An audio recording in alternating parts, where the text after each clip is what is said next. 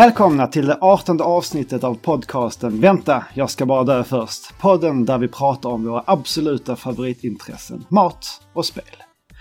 Vi är de stressande tonårsmödrarna som kör vilt mellan fotbollsträning, citygoss och hemmets lugna vrå. Vi är även sexåringen som sitter på golvet på julafton och skriker av glädje för vår nya konsol vi fick i julklapp. Vi är podden som slänger spels på orker och slänger ihop en lasagne. Vi är podden som kastar in bullar i ugnen och kastar tärning i rollspel. Vi är min, det är jag och min vapenbroder Pajlen. Tjena Pajlen, hur är läget? Det är bara bra. Jag är lite så småtrött men eh, pepp på att få dra igång. I, igen ska vi väl säga. Det har varit ett Ja, litet precis. frånvarande från oss ett tag. På grund av livet. Ja, det... På grund av mig. Livet. Nej, livet. absolut inte Glenn. Jag väntar inte ens på att bli presenterad, förlåt Manne. Det är ingen fara. Jag hade ändå ingen eh, vettig presentation till dig idag eftersom du, du var ju med sist. Och vi, vi lovade ju ett äh, återseende av dig den här gången. Ja, det är sant. Det gjorde vi faktiskt. Men den största anledningen till att det har blivit förskjutet tror jag är för att jag lite spontant bestämde mig för att åka ner till Skåne och hälsa på familjen. Ja, just det. Det var ju, Så- faktiskt, det var ju faktiskt inte bara jag. Nej, inte, det var inte bara ditt fel. Men jag har en eh, fråga till dig Glenn. Mm, fråga på. Uh, käkar du eh, äpplen med skal? Jag, jag, förs- jag förstår inte frågan. Finns det äpplen utan skal? Skalade äpplen? Ja. jag, alltså, Ja, eh, jag, vet- Varför Fan. dröjer han med att svara tänkte jag, jag. jag, jag, nej, ja. Mm. Eh, det är klart jag, jag, är klart jag äter äpplen med skal. Jag är väl inte ett och ett halvt. Okej. Äter du kiwi med skal? Det är väl klart jag inte äter kiwi med skal. Jag är väl inte en sjuk människa. Varför äter du inte kiwi med skal? Ja, jag äter kiwi med skal. Eh, största, alltså ska vi, ska vi säga så här till att börja med. Jag äter ju inte kiwi överhuvudtaget för att jag blir alldeles fnasig i munnen. Eh, och Aha. det är väldigt o, eh, oskönt. Så att jag, jag undviker kiwi så långt det bara går. Men om jag skulle äta kiwi så skulle jag ju definitivt inte trycka den jävla ludna huden in i munnen. Nej, det skulle jag inte. Så den äter du som du är ett och ett halvt? Med en sked? Eller det hade du gjort då kanske? Eh, ja, jag hade nog, jag hade nog, eh, hade jag ätit eh, kiwi, då, då hade jag nog ätit den som om jag var ett och ett halvt med sked. Alternativt skalat den först och sen typ skurit upp den i en fruktsallad. Liksom. Men Man äter då. du skalet på kiwin? Det är ju självklart. Jag har hört talas om det här också. Och eh, nu kommer jag inte testa eftersom att jag, Nej, in, på grund av anledningar. Ja. Men jag förstår det inte. Varför? nej. Men hur, det, alltså, det, det är ju hårt skalet. Det går ju inte att... det Går, nej är det inte det det? är inte alls svårt. Nej. Nej, det är väl ganska mjukt men... Det, Ja, känns, säger, det, det, är- känns som ett, det, det, känns som ett äppleskal ungefär. Men det är ju typ Eller kanske mer hårigt. som, som en... Men persikor är väl också lite ludna? Ja. Ja, men det känns ju som läder när man liksom håller den i handen. Det gör inte Ja, en du, ska person. inte hålla, du, du ska inte äta den med handen. Nej. Det känns alltså så här, jag vet, jag, det brukar vara folks initiala reaktion på Ja, när man sätter sig med en kiwi, kiwi och börjar tugga i den. Det bör, folk bara tittar på en som att de har sett typ Frankensteins monster eller men- någonting. Precis, att det är som reaktionen med att det, det här, nu, nu jävlar sitter jag bredvid en, en, en, en djupt störd människa. Det Lite så här, vad var det var? Det var typ i början på coronapandemin, kommer jag ihåg. När jag skulle åka till jobbet med pendeltåget så tittade jag upp så här. Från, satt och tittade i telefonen och lyssnade på någon musik. Så tittade jag upp. Så är det någon som sitter i ett säte liksom snett över mig och bara käkar en blomkål bara så här i handen. alltså det är bara en stor blomkål och bara sitter och tuggar i sig den här mitt på tåget. Sitter Jag var så här, jag, jag, sitter kunde, jag, kunde inte, knaprar ko- lite. jag kunde inte sluta kolla. Alltså, Nej, det är klart. Ja. så, så konstigt är det att äta kiwi med skal. ja. Men jag har hört fler som gör det, man, så att jag har förstått att uppenbarligen så är den gängse uppfattningen att kiwiskal är, är hårt och otäckt är ju uppenbarligen felaktigt. Precis, det, Mm. det är det. Jag vill, jag, jag vill bara sprida gospelet eh, vidare här i den här podden. Kanske får... Att det är, test, testa, men det man ska göra, man får skölja dem ganska väl. Alltså, I och med att det är väl som all sån exotisk frukt, det är ganska så besprutat. Så jag tror det är mycket därför egentligen man kanske ska undvika att äta skalet. ja. Men då borde man också börja skala sina vindruvor. Och det vet jag inte jättemånga som gör. Det, eh, jag kollade på en, ehm, det, var, det här var några år sedan, men kommer ni ihåg programmet High Chaparral med Fredrik Filip? Mm. Eh, kommer ni också ihåg, eh, nu kommer jag inte ihåg vad han, den skådisen heter, men han som spelade en av, en av skådisarna från eh, Beverly Hills 90210. Han som spelar Steve Sander, vad, heter han, vad kan han heta? Ingen aning, jag har Ja, den ingen koll på den serien. de, de, de, de, och hälsar på honom. Eh, han äter skalade, eh, han, han, får, han får en skål, han, han beskriver en situation där han får en, en skål med skalade ehm, vindruvor som man äter med sked. Mm? Men eh, hur skalar man en vindruva? De är väldigt försiktigt skulle jag vilja påstå. Ja. Ja. Pincett kanske. Jag vet inte, bara så här sliter av det. Det låter, låter, låter märkligt. Onekligen. Ja. Det är fantastiskt att folk gör så konstiga saker. Äter kiwi med skal. Skalar vindruva, herregud. Mm. Men vad har du ätit eh, idag då Pajlan? Har du käkat något gott? Jag har faktiskt käkat något gott idag. Eh, det, i, idag var det kanske inte. Jag lagade det igår så jag käkade rester från igår men jag tar det. Eh, så jag gjorde en eh, lite så här höstig liksom svampgryta. Eh, hackade upp gul lök, vitlök, stekte på det.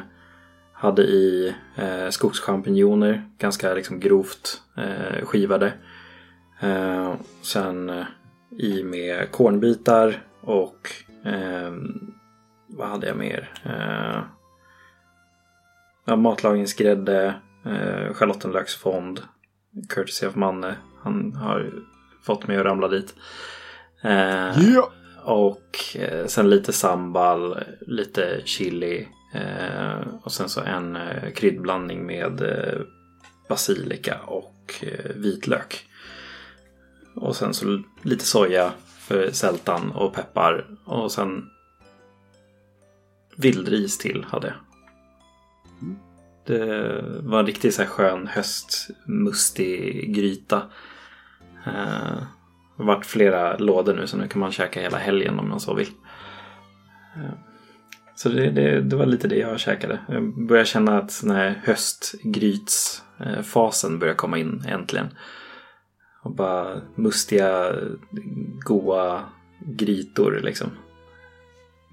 Vi har blivit lovade lite taggsvamp av en eh, kompis Åh. som var ute och plockade det i, i, ja, för någon dag sedan. Underbart. Så de ska, bara, de ska, de ska, ska bara förvällas och sen så kan vi bara plocka hem det. Smidigt med svampplockande kompisar som gärna delar med sig. Ja, eh, det blir inte så mycket svampplockande här i Farsta liksom. Det, tyvärr. Vi har inte heller hittat några svampställen här uppe. Och det är ju ingen som delar med sig heller. Nej, det är såklart man inte gör. Själv då Manne, har du käkat något kul senaste tiden? Eller i, i Eh, dagarna? Vi slängde faktiskt ihop eh, en eh, soppa ikväll. Ja. Eh, som eh, min kära sambo tipsade om att hon hade sett något, in, något tips på Instagram. En broccolisoppa. Eh, en helt, helt vegansk. Eh, gjord med eh, typ hemmagjord cashewdryck. I istället Ja. för grädde. Mm. För att tjockna till den. Och det var ju ganska smidigt. Det det var ju bara att blanda vatten och cashewnötter och låta det stå i matberedare Mm. och riktigt så här bli slät. Sen fräsa lök och vitlök. Ha i ungefär två broccolihuvuden. Låta det småputtra lite och sen i med buljongtärning, cashew, mjölken och sen stavmixa det och göra den slät. gott. Och det, ja, det är smidigt med soppor alltså. Det är också så här, passar hösten till. Ja, soppor är mycket. nice. Och sen så toppade vi med lite eh, upphackad soltorkad tomat. Mm. För det här lite söta, sälta, Mm. feta på toppen. Grymt. Så det är riktigt, riktigt nice. Glenn- Har Glenn käkat någonting idag då? Någonting Eh. bättre än stuvade makaroner? Ja, definitivt. Nu har jag faktiskt gjort, jag har en ny, eh, ny pastarätt som jag har eh, börjat att göra. Det är väldigt enkel men, men så här orimligt god med, med tanke på hur lite tid man faktiskt lägger ner i det. det är, man börjar med, med schalottenlök som man bara brassar på på låg värme ganska länge. Och sen kör i eh, färsk ost, färsk eh, spenat och sen ehm, lax, alltså eh, rökt lax. Och sen en, vet, Ah, ja. kör eh, vet, citronskal i det också för att få lite, eh, lite, lite, lite syra. Och så ehm, bara ihop med, det, det ihop med pasta och sen eh, toppa med eh, ost, vad heter det? Eh, Sån italiensk Parmesan? parmesanost, precis. Ja. Så det är liksom svinenkelt men apbra bjudmat eftersom det på riktigt tar, alltså, ja men i, i princip så lång tid som det tar att koka pasta. Eh, beroende på vad man har för pasta. Och så blir det hur bra som helst när man bara, bara kastar ihop det där och ställer det på bordet. Men man, man behöver inte stå i köket i flera timmar för en, en, en riktigt bra liksom, bjudrätt. Som också ser väldigt, väldigt snygg ut när man lägger upp det på ett stort jävla fat i mitten. Det är Ebbe som jag har fått, eh, fått liksom, eh, tipset av. Mm. Grymt. Alltså en bra pastarätt går inte av för hacker ändå. Alltså det är... Nej, jag, s- Det är alltid så. jag skulle säga det att just pasta och pastasås, en sån här riktigt krämig, ostig eh, sås. Det, det går alltid ner, det går alltid hem. Vart, eh, vart står ni i, i, i carbonara-träsket då? liksom hur djupt, hur, Ja. djupt, hur djupt har ni liksom, hur djupt sitter ni där och, och, och liksom försöker ta er loss? Eller, eller njuter? Alltså, jag är inte så mycket för carbonara. Då är jag mer bolognese. eh, Fantasten i sådana fall. Men hur tänker du där med carbonara, just hur ja, pedantisk det, man ska vara med ing- ingredienserna Ja, eller hur ofta man, man äter det? nej, jag tänkte mer så här, eh, har du grädde i carbonaran? Så det. Ibland har jag det, ibland har jag det, Ja. oftast inte. Då sitter, du, Men, eh, då sitter du alltså knappt fast med andra ord. Så det måste vara, så det måste vara en, en specifik rökt skinka från Exakt. en viss region i Italien. Ja. precis, precis. om, du, om du har tittat på liksom en, grädd, en gräddflaska inom de närmsta liksom 24 timmarna så, så, kommer, eh, så kommer en italiensk farmor och liksom slår dig över ansiktet. Ja, för det, det är väl ändå en sån här grej att en så här killar och en carbonara. Mm, men det finns ju ett fantastiskt, vad fan heter han? Mauro. Ja. Mauri. Ja, ja, ja. Eh, Mustiga Mauri. Ja, Mm. Det finns ett Älskar, fantastiskt. älskar Mustiga Mauri. Ja, han ska vara programledare för svenska Lego Masters. Så det ska bli jätte, jätteroligt att se. Ja, kul. Aha. Ehm, I alla fall, han har ett fantastiskt avsnitt av hans YouTube, kan, vilken, jag vet inte vad den heter. I alla fall, så han är och, så här, först, han så här, intervjuar en massa killar som kan carbonara liksom. Och sen så... Som och sen påstår, Så, sig, som påstår sig kunna carbonara. Eller? ja men precis, så, så, så som killar gör. Och sen så, Ja. eh, så testar han liksom hur, hur långt man kommer på ren... eh, Självförtroende. Sj- Precis, hur långt man kommer på självförtroende. Och så avslutar han det avsnittet med att åka till, hem till Mat-Tina som, som liksom eh, lagar en, en carbonara. Ja. Det, är ett, det är ett kul avsnitt. Det är det. Det är bra, det är, jag skulle nog säga, det är nästan det bästa. Det och frukostavsnittet tror jag är bland de, de, två, bland de två bästa. Ja, vi, får, vi, får, vi får kontakta Mustiga Mauri och fråga om han vill vara med i podden. Klart han ställer upp. Han verkar ju vara en jävligt skön snubbe alltså. Alltså det, jag, förs- jag förstår inte hur, f- f- så här, det, hur han kan lyckas vara så, så älskvärd. Ja. Ja men verkligen. Han är så himla genuin och så här, han, han ser så jävla glad ut hela tiden. Så man blir frustrerad på honom. och han har ett väldigt så här, väldigt bra sätt att uttrycka sig på också. Alltså det är väldigt så här, han kommer ju på de här små finurliga finesserna i hur han lägger orden i sina beskrivningar. Det är, så, det är som på ett barnsligt sätt men ändå med en viss finess i det. Mm. Ja, det är genomtänkt. Det är det. Verkligen. Men eftersom vi är då tre stycken småbarnsföräldrar här som sitter och diskuterar så tänkte vi även lägga in lite, lite vad ska vi säga, babys-snack, babys-tips. Vänta, jag ska bara dö först. Mat, tv-spel och barn. Precis. Det är det vi har blivit nu. Mm. Ja, det är helt rätt. Så är det. Jag eh, gick ju och blev med sous för en, eh, när jag fyllde år. Det pratade vi om senast också. Mm. Och eh, vi ska börja ta tag i det här med att eh, pumpa bröstmjölk här hemma. Så att även jag kan vara hemma vissa dagar och Mm. så att Sofia kan komma iväg lite under längre stunder. Och då eh, kom jag på det att ja, men man kan ju bara värma upp sous till 37 grader. Och sen så lägga ner alltså mjölken där i flaskan. Eh, Och få perfekt temperatur liksom. Så bara sådär, alltså det kan ju vara så att kan, den kan ju ligga, den, det är väl inget fel för, av den. Den mår väl inte dåligt av att ligga i den temperaturen. Man kanske inte ska låta den... Men alltså den ligger ju i den temperaturen inne i kroppen. Då blir den i och för sig inte utsatt för någon, något syraangrepp. Nej, det, tänk, du, alltså 37 grader är ju, är ju prime för... för eh, Bakterie, bakterietillväxt och sådana Exakt, grejer. exakt. Så det är, ju- du får ju se till att man, man, man faktiskt dricker upp det också. Jo, jo. Så att man, kan inte bara, man ska ju inte stoppa ner den och förvara den där. Men, ja, men ha, det, ha det igång så kan man ju lägga ner den där en timme innan så får den perfekt temperatur tänker jag. Mm. Det, är, det gäller ju bara att man har bra framförhållning då. Jo. För det är, det är, det är drygt om man vaknar, om man ska vakna på natten och nattmata och sen så, och sen så måste man eh, vänta med ett skrikande Jo, barn en jag, timme. jag, kommer ju, jag, jag kommer ju inte sova själv med henne. Det kommer inte vara att mamma kommer åka iväg under en längre tid och ge mig fem liter bröstmjölk. Och hus, hushålla med. Nu åker jag iväg Natt- två veckor man. Vi klarar. Jag har förberett den här hinken. Så det är... Det är bara att eh, dosera upp rätt. Ja. Men nat nattetid och sådana grejer, då, kommer det ju vara, men det är just det här på dagtid när hon, alltså, när hon är iväg och jobbar och jag är hemma. Eller om Ja. hon åker iväg och gör någonting för kvällen. Så, då kan man slänga ner en fl- flaska där. Och så ligger den liksom med, ja, nu, nu är hon hungrig. Då har man det direkt.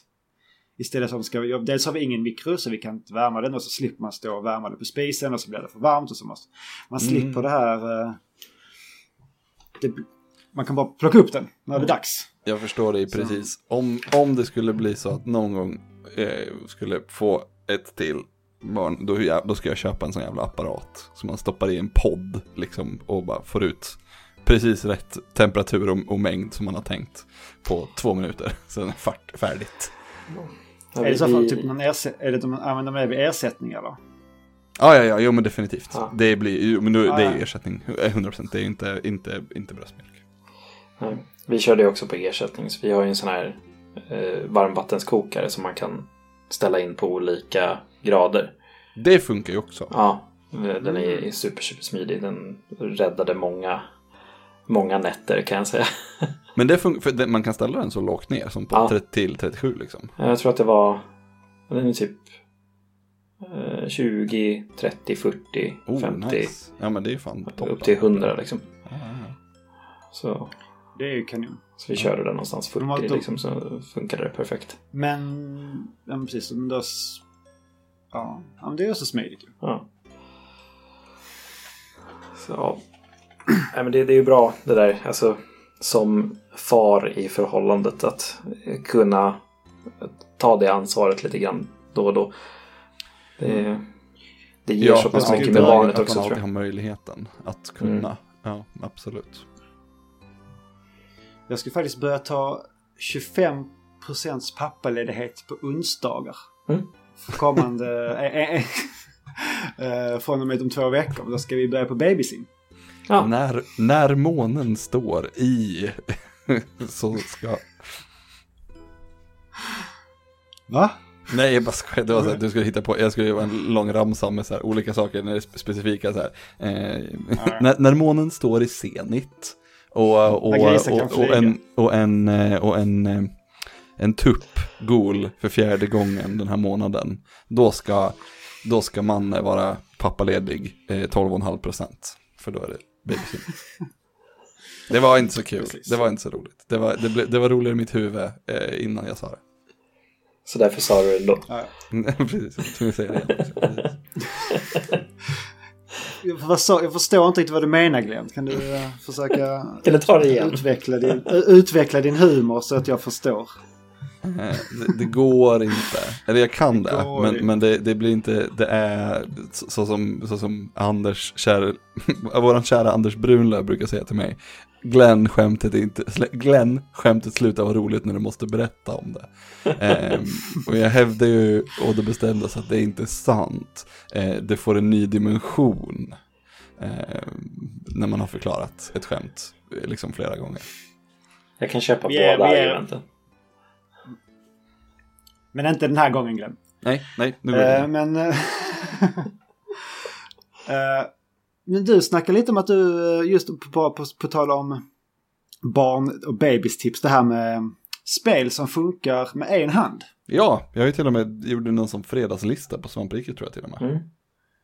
Ehm, jag hade, när man har en väldigt, väldigt liten så gör ju de inte så jätte, jättemycket annat än att bara sova. Mm. Ehm, och det är väldigt, väldigt trevligt att sova, när de sover hud mot hud. Så jag spenderade ganska många timmar eh, i, i början när folk var väldigt liten med att ha honom liksom liggande på mitt bröst eh, och jag satt vid datorn. Så då spelade jag spel som, eh, som, som man kunde bara med spela med liksom bara musen. Mm. Eh, och det är, ja fan, det är så jävla mysigt. Eh, Ja. Ska jag bara gå in och kolla vilka spel, vilka spel jag ska, om jag kommer ihåg det från, eh, från minnet här, vilka spel jag spelade då. Ja men Hearthstone såklart. Såklart. Just det, det var då jag började spela Slay the Spire också, som ganska nyligen har släppts mobilt. Um, det har jag inte testat än. Fantastiskt roligt eh, kortspel med eh, roguelite-tendenser. Ja, jag har varit sugen på det länge. Ja, det är fantastiskt. Det är ganska fult dock, men det är fantastiskt. Har ni spelat Samorost? Nej, känner jag inte igen. Nej. Jätte, jättegammalt um, Flash-spel. Finns gratis i browsern man spelar det.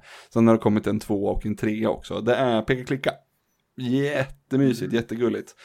Lite Petson eh, mucklor-känsla över det. Det är väldigt, väldigt vackert. Man, Det, man låter ju spelar som en liten, en liten, liten, liten, liten tomte som ser ut lite som en muckla eller någonting.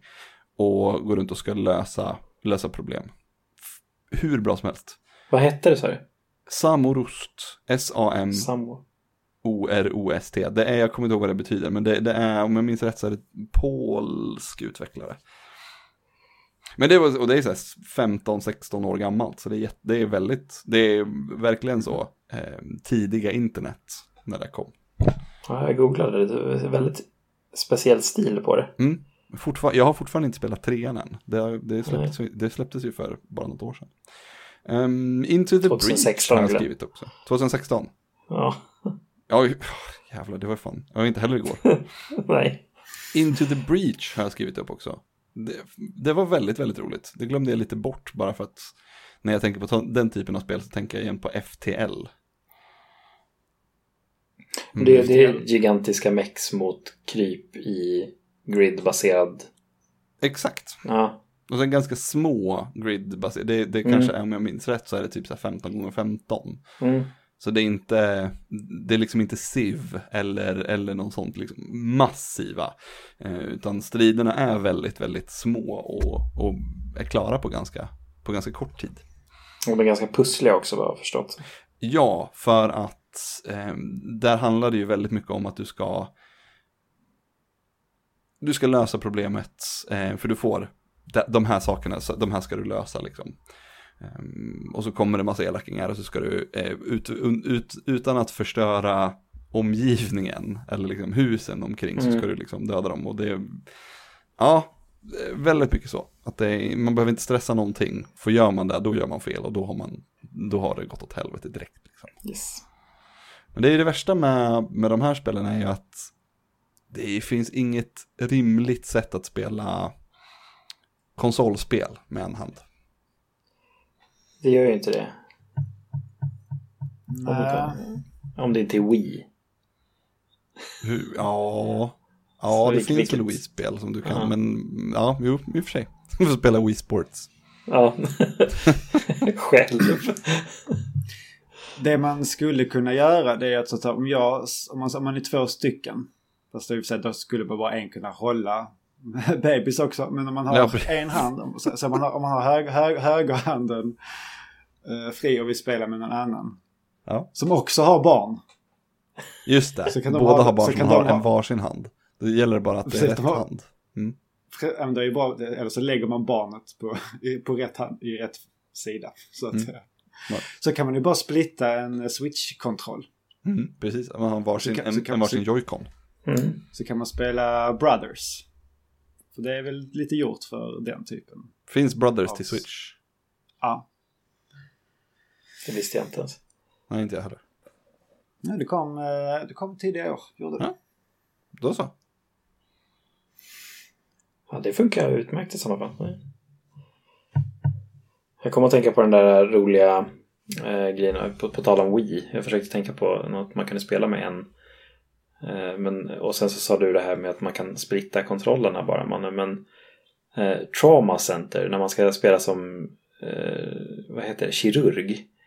Som är svinsvårt. Det finns ju ett ännu svårare läge man kan köra på det som är påhittat av fansen. Där en håller i nunchucken och en håller i Wiimoten. Så är det en som är liksom assisterande. Som ska liksom välja verktyg och liksom suga bort blodet. Och, Varför har jag koll på det här spelet? Jag vet inte, jag tror Tommy har pratat om det i Svamppodden ja, förut. Ja. Jag, jag, kände igen det extremt och jag bara, fast jag kan inte få upp några bilder överhuvudtaget hur det ser ut. Det, man, man ser det typ bara uppifrån. Ja. ja, men, ja. Mm, mm. När man liksom, ja, så ser typ en bröstkorg så ska man liksom slicea upp den på ett speciellt ställe och så ska man typ plocka ut parasiter och så. Jag undrar om Play before you die har gjort ett avsnitt om det här. Det kan nog stämma. Ja. Ja. Mm. Har ni någon relation till Heroes of Might and Magic? Jag har spelat lite av det på iPaden när det släpptes. Och sen hotsitade vi det lite, lite, lite, lite grann när jag var liten och vi satt vid datorn. Men, men väldigt, väldigt, väldigt sparsmakad relation måste jag säga. Jag spelade mycket okay. tvåan tror jag det var. Eh, där hotsita liksom på en PC. Trean är det jag har spelat. Det kanske är trean, jag kommer inte ihåg vilken det är. Jag, jag, tror, jag tror att Heroes of Might and Magic var ett av de första spelen jag fick recensera för Svampriket. Det kanske var femman då. Mm, eller, ja det var någonting, någon, någon, det hette ju inte ens Heroes of Might and Magic, det hette ju eh, det heter ju typ, vad heter det, det heter någonting annat fast det heter typ samma fast inte Heroes of Might and Magic. Det heter typ. kanske bara Might and Magic. Ja, precis. Ja. Minns inte. Jag tror, ja. Ja, jag, jag spelar ju, det är ju ett, ett eh, enhandsspel nu. Jag spelar ju um, uh, Wingspan Digital Edition, men det är ett brädspel. Um, fast online. Mm. Det funkar ju. Det är lite tråkigt att spela själv. Man skulle vilja ha ett gäng här, och sitta på Discord eller någonting och spela det som om, man, som, som om att man satt runt ett bord och spelade. Eh, men det funkar jättebra att spela eh, själv också. Det blir lite att känna som patiens eftersom att man gör ju sitt och det påverkar, man påverkar inte jättemycket. Man kan ju hålla koll på vad de andra gör lite för att ta, för att ta, liksom, ta beslut och sådär, absolut. Men, mm. eh, men nej, det var, nu har jag spelat ganska mycket Switch senaste tiden. trevligt. Det är en Mm. konsol som behöver, förtjänar all kärlek. Det Mm, tycker jag. definitivt.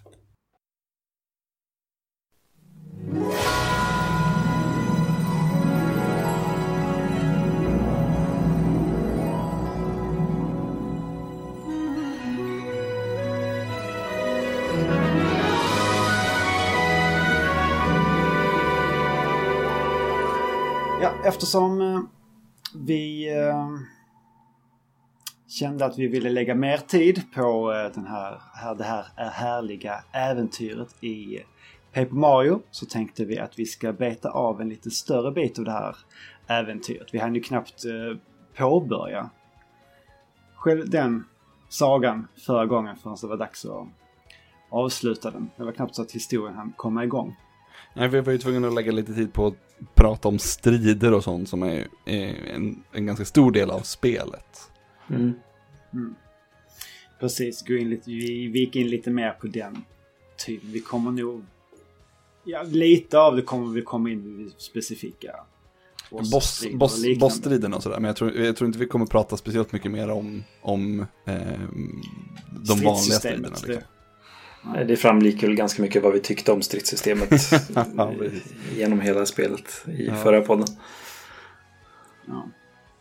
Det tråkigaste där är, är, är nästan att man liksom är låst i samma attacker från början. Mm. Och sen så händer ingenting. Det enda Nej. man får, man, det hade, varit, hade man fått utveckla sin, sina skor eller sin slägga på något sätt så att de hade blivit, alltså så här, blivit någon form av förändring. Det hade nästan räckt med visuell förändring för att det skulle göra någonting. Men här är det verkligen samma, samma från första hammarslaget till det sista. Mm. Ja, men hade ju, man kunde, alltså nya mönster på, på planen liksom. Bara, bara, ja men lyckas du få in det här L-mönstret så gör du ännu mer skada, eller vad det nu må vara. Men då hade det ju Ja, varit, då då- hade det blivit något helt annat.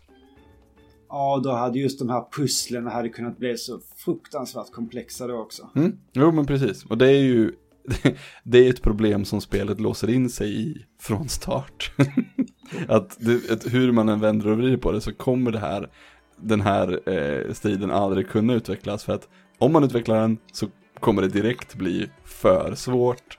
Eh, och, och om man har det kvar så kommer det bli tradigt i längden. Och sen, sen så har vi den här grejen, alltså, vi, vi får ju starkare skor och vi får ju starkare hammare och sådär. Men då gör ju Nintendo sin nya favoritgrej och gör så att de går sönder. Mm. Men sen så får man ju grejer hela tiden. Ja, jag jag, liksom, jag, jag köpte ju aldrig några nya saker. Nej, Jag, vet att jag köpte massor men det var så här, jag fick ju aldrig slut på någonting egentligen. precis, Det var så här, ja, tror ut, inte jag köpte utifall att liksom. Ja, precis. Nej. Ehm, nej, det är synd att det är så dåligt som det är i ett så fantastiskt spel. Men, men det är också fantastiskt hur spelet bara lyckas tas, man lyckas ta sig igenom det och ha trevligt och roligt hela vägen. Japp. Fast den här liksom fadda smaken är med hela tiden. Ja. Ja men så... Vissa fighter är ju verkligen så att... ah, ja, ja, okej då. Men sen ibland kan det tycker jag ändå kan tycka. För det går ganska, ibland går det ganska långa perioder utan att det är några strider överhuvudtaget. Mm. Mm. Man, kan ju, man, kan ju, man kan ju välja att undvika i princip alla man ska säga, random encounters. Är det ju inte. De, Nej. Men de är ju ganska, de är ganska valbara. Ja, jo, jo men så är det. Så, men det, ja, det... Ja, det... Jag vet att jag gjorde mycket i slutet där. Då, då var jag riktigt trött på striderna. Men varje gång jag hamnade i en strid så sprang jag bara därifrån. Jag, vi, alltså Ja. någonstans kanske 60-70% in i spelet eller någonstans. Då, då, då, då tog jag beslutet att bara sk- försöka skita i striderna så mycket jag kunde. Ja, Och när jag kom in i en strid så bara, ja, jag betalade loss. Varenda, Japp. Nästan varenda strid. om, jag inte, om jag inte direkt såg mönstret och bara så här, så här, så här ska jag göra. Så bara, betala tusen spänn, Toadsen tar hand om det. Och sen Mm. är striden klar. Precis. Man har ju, man har ju Toadsen där. De vill, de, vill, de vill ju också hjälpa till. jo. Ja, men... eh, Nog om om vi striden. då... eh, precis. Om vi ska försöka, ska försöka luta mig tillbaka i min imaginära skinnfåtölj, tända pipan och eh, starta brasan i elden. Så ska vi åter ta oss in i den här eh, origami-världen då. Yes. Vart, eh, Det är så- vart är vi någonstans? Jo, det som hände senast då vi var ute var ju att vi hade precis lämnat den här första världen och var på väg i en kabinbana upp mot höstbergen. Och i den här eh, gondolen, eller kabinen då, så eh, mötte vi en liten krabat. Bobomb. Som efter eh, lite övertalning då eh, beslutade sig att eh, hänga med på resan. Och det som var med Bobomb var ju så att han hade ju tappat minnet. Mm. Så eh, han skulle ju leta efter det. Medan vi leta, leta efter de här serpentinerna.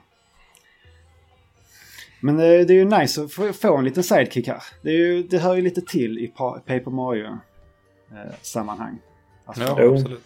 Jag tror jag nämnde det i förra podden men jag varit ju så här överlycklig över att sen nu har jag någon som följer efter mig. Liksom, för att Companions är en stor grej för mig Ja. i Paper Mario.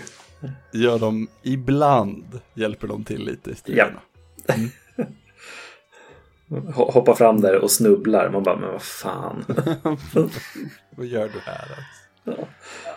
Precis, det är så himla tafatt. Men det, det var som att han lyckades för en, en av fyra ungefär. Ja. Ja, jag tror nog, jag hade nog, jag hade nog gissat på 50-50 men eh, det är kanske bara för att jag tycker så mycket om Bobby. för jag ser Ja. inte när han misslyckas. Inte min Bobomb. Han var värdelös.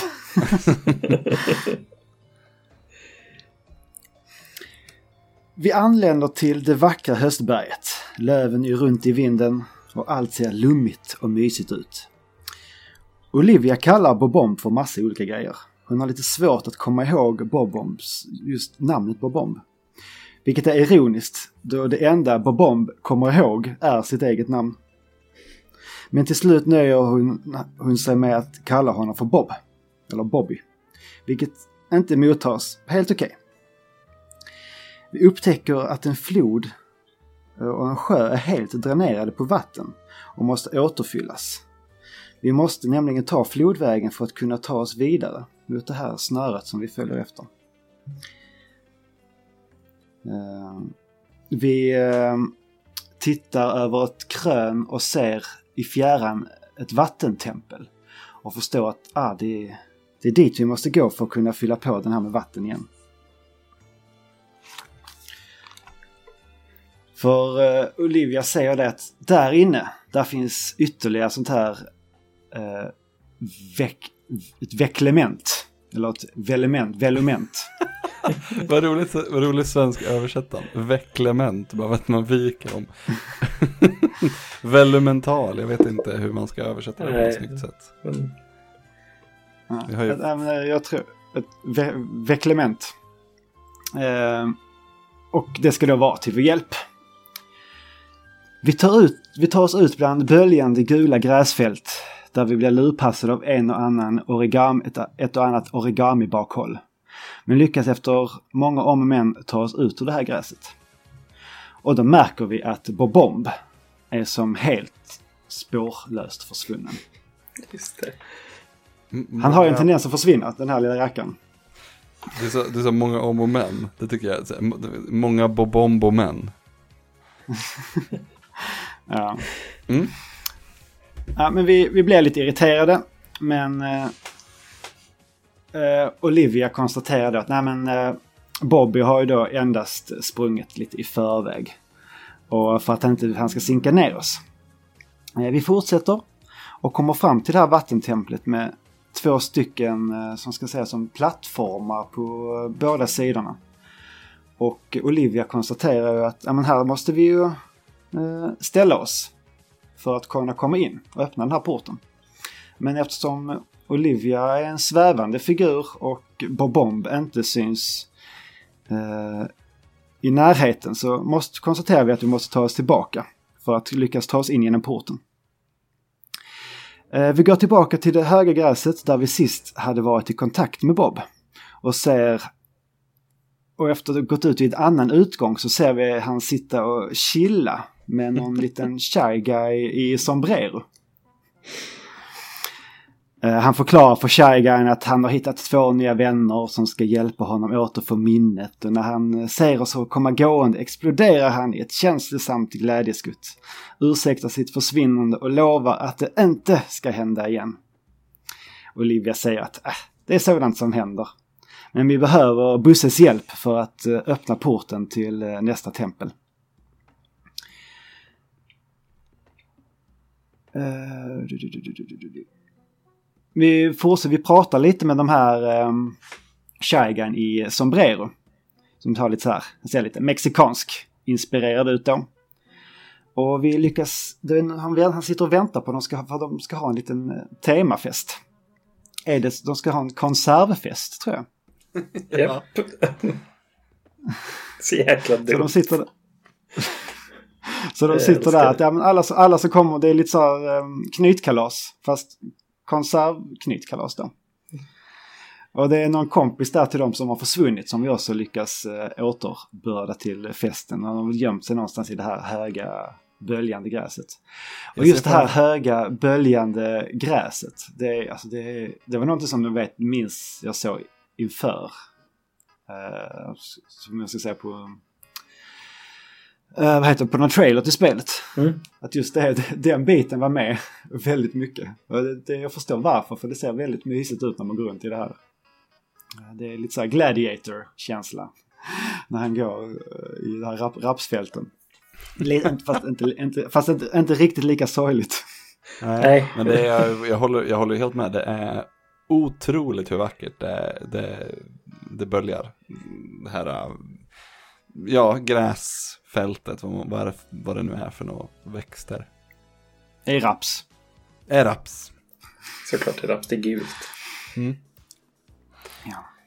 Och när vi, när vi väl har då hittat den här kompisen så det var, anledningen till att den här kompisen behövdes det var för att han var en jävel på att öppna konserver. Ja. Och när vi då har eh, fått tillbaka honom så lovar han att ja, men om ni behöver hjälp med att öppna en konserv i framtiden så är det bara att eh, komma och säga till. Eh, vi tackar så gott och letar vidare. Och eh, då ser vi att eh, Bobombo Bobomb har gått i förväg ut ur gräset och han går över en lite så här ranglig bro. Och på andra sidan bron så ser vi en, en macho maché-gumba. Som Bobombo Bobomb har ju inte ens träffat de här innan så när han ser den här försöker han lite så här vänligt prata med den men den går genast till attack. Och skrämmer iväg Bobomb och så han trillar ner från den här bron då. Uh, Mario och Olivia ser inget annat val än att springa efter och hoppa ner från bron i jakten på sin nyfunna men bortsprungna vän. Det visar sig att vi eh, hamnar långt nere i eh, Kastanjedalen, som den heter. Och försöker att ta oss upp längs larang, lite så serpentinaktiga vägar och samtidigt som olika elakingar dumpar stora kastanjer efter över oss, mot oss. Just det här ja. Här, var, det här, här är nog spelets lägsta punkt tror jag. Ja, bokstavligt talat. Ja, men, här var jag så här, fan, ska jag fortsätta? Eller liksom, om jag, om jag skulle, det tänkte jag väl kanske egentligen inte att jag skulle avsluta det. Men det var så här, fan det, får, det måste bli bättre. Det kan inte vara, det, det, det här känns verkligen bara som, att jag, som en walking simulator. Allt vi Jo. gör är att Ja. gå liksom från punkt A till punkt B. Och, och sen förvecklar saker sig. Det var, det var Ja, lite vi så jag hittar- började känna här också. Att det var så här, verkligen, verkligen mycket. Ja men så här, ja men du ska hämta den där. Ja, han var borta. Nu ska du gå dit. Man var så här, men Ha, det måste bli någonting annorlunda. Ja, precis. man, hit, man hittar honom, han försvinner. Man hittar honom, Ja. han försvinner. Och sen så blir det, ja, men nu måste vi gå tillbaks igen. Där vi redan har varit. Ja. Alltså det är så här att gå tillbaks på en plattformsbana. Det är liksom så här bara, ah, jag har, jag har redan gjort det här. Mm. Eh, Olivia blir också mer och mer irriterad. Och tycker det är att väldigt jobbigt då att Bobom inte bara kan hålla sig nära gruppen. Men är det inte Men- så också att man ser honom så här i bakgrunden hela tiden när han blir så här överrullad av kastanjer och sånt? Och flyger iväg och blir knockad och allt möjligt. Ja. Men eh, efter några minuters letande så hittar vi ju Börje då sovande på en stubbe en bit framför oss i banans slutskede. Så han har helt enkelt bara hittat tillbaks på egen hand och väntar på oss som ska komma. Som så Och två. Olivia tycker på något... Vad sa du? Som så två. Så två. Att om man bara hade chillat så hade man bara stått och väntat så hade allting löst sig. Utan man behövde gjort något. Precis. Precis som Sp- sp- spoiler, spoiler alert. För 40 sekunder sedan jag spoilar så två. Förlåt. Fan också. Eh, men när vi hittar eh, Busse här då på den här stubben så eh, Olivia kan ändå inte motstå och tycka att men han, är ändå, han är ändå en skön snubbe. Han är så här härlig och avslappnad och har liksom inget, inga bekymmer. Så det, det är lite svårt att vara arg på honom trots allt. Han har ju trots allt tappat minnet och ja, det är lite tufft för honom just nu. Och dessutom så, ja, det har ju inte varit ingen skada skedd. Vi har ju kommit framåt trots allt. Med lite mothugg. Och när vi kommer fram till eh, vattentemplet med eh, Bobs hjälp så kan vi ta oss in. Men här är han lite eh, harig och bestämmer sig för att vara kvar på utsidan så han inte sinkar oss ännu mer. Och det är väl kanske skönt då. Um, Vattentemplet som vi kommer in i består av flera rörsystem som vi måste koppla samman. Dessutom består de här olika rörsystemsdelarna av pussel som det handlar om att flytta block för att pusslet ska gå ihop. Och det här tycker jag, det här, sådana här pussel är ju... Det, det är ju ett pussel där du har eh, tre gånger tre rutor. Eller fyra gånger fyra rutor. Mm. Och så är det en ruta som saknas. Och så ska man få rörsystemet att gå ihop. Och det är... Åh, Åh, det är så tråkigt. Det är bara så här... Kli, klicka, klicka, klicka tills det, så här, tills det går ihop. Som man säger så där, som tur var så här, återigen så kommer ju pengarna in i bilden. Så man kan om man vill bara så här, typ pay up. Så får Ja. man liksom en hint. Eller så, då får man det löst i princip. För jag, jag tror faktiskt att eh, Sofia satt med det och hon, hon löste det till slut. Men det, det går väl att bara ja, betala sig förbi det. Ja, det, det, det är ett sätt att göra det på. Det är, Jag hade nog inget större problem med det. Det kändes så himla tv-spelet. Det känns som att jag satt och bara typ hade tur. Ja. Och det bara gav sig liksom när jag, när jag satt och höll på med det. håller man på tillräckligt länge så löser man det. Mm. Så ser man mönstret till slut. Ja, jo men så är det. Mm. Men efter mycket vattenpusslande så kommer vi fram till bossen i detta tempel. Och det är en vattensprutande drake. Mm. Eh, och eh, ja, kommer ni ihåg eh, eh, vad som var lite så här. Vad var det som var speciellt med det här, den här bossen? Nu, det var ett tag sedan nu jag spelade. Alla, alla bossar har ju sin speciella... Man var ju Ja, tvungen, Alltså, ju man var ju, nej förlåt. Nej, Ställer- kör du. Ja, det, var, det, det kändes som att du ställde en fråga och jag bara tog den bollen och sprang med den. Eh, man var ju tvungen att, eh, man var ju tvungen att eh, eh, lyfta på ens där man stod för att inte bli liksom, eh, få den här vågen över sig väl. Ja, Minns jag rätt precis. då? Just det, Mm. precis. Ja, för det, han, draken andades in för varje runda så här, typ andades den in mer och mer vatten. Och till slut så skulle det komma som en flodvåg som bara svepte över hela spelplanen. Yes. Men när man då hade aktiverat det här eh, eh, jordvecklementet Mm. så, eh, som man fick från bossen tidigare så kom man upp som på en liten upphöjd bit. Mm, liten Och då var ju draken, eh, precis, då var ju draken helt utpumpad inför nästa runda och då kunde man passa på och tjonga till den ordentligt. Mm.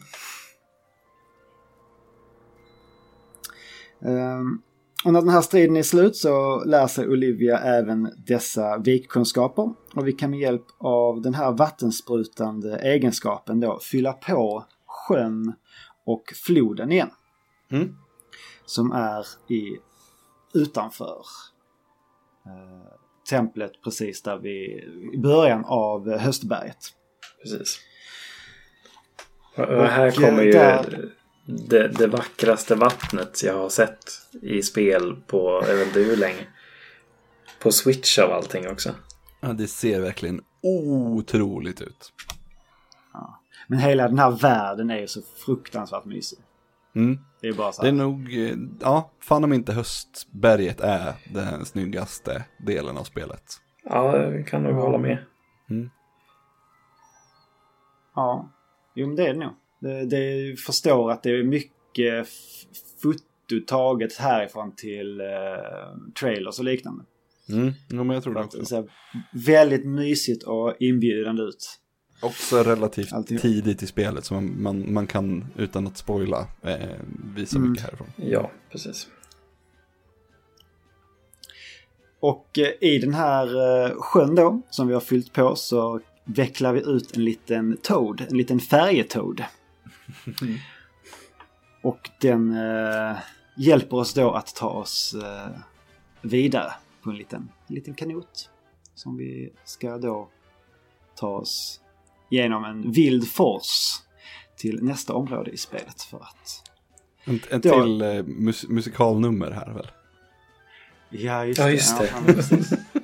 Men man ska styra, styra den där lilla båten ner för forsen. Ja, Det också. Det är det här, det kommer ett litet musik, musikalnummer, det kommer precis innan och sen så kommer den här Just det.